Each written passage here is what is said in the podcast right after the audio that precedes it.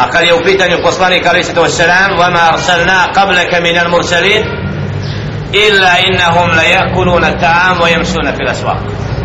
Jalla shanu ma da je odgovor da jalla shanu ni jednog poslanika prije nije poslao a da nije bio do njih koji jedu hranu i hoda po pijaci. U mjestima gdje se ljudi okupljaju.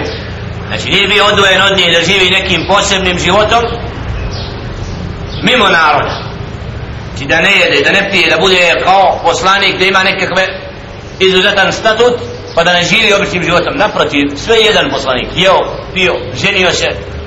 Znači živio životom kojim oni žive. I zato nemaju pravo na to da traže da Muhammedun sallallahu alaihi ve sellem bude nešto izuzetno kako oni hoće.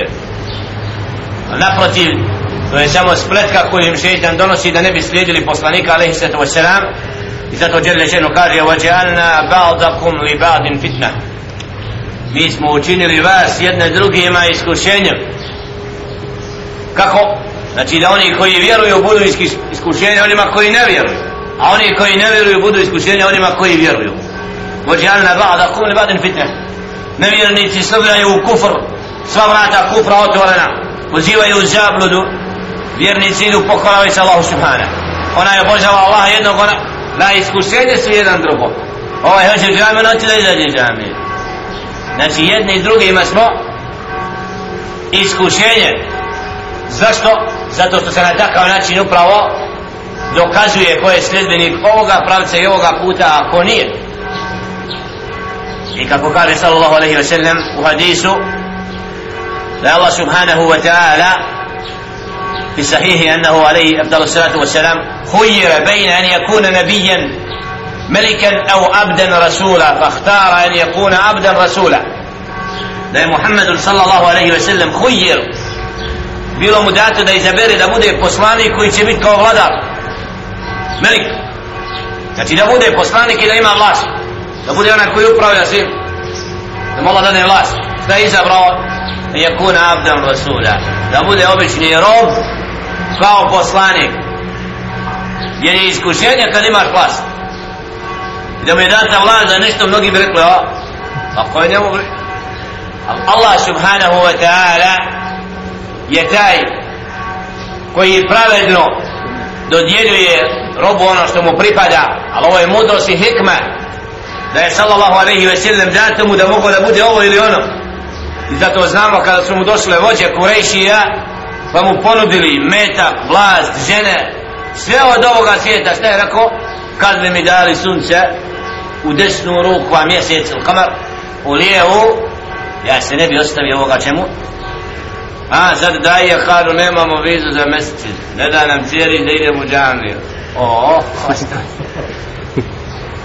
zabranjen dolazak u mesec maša Allah je kućama A je tako, sallallahu alaihi ve sellem, kad su ga napadali, kad su kamene bacali po njemu, kad kad ostavio i povuko se od daveta, la Allah.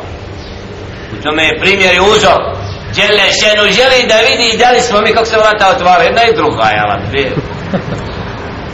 Allah subhanahu je btelina. Hel nahnu thabitina ala l-haq? Hel nahnu nuridu bujuta Allah?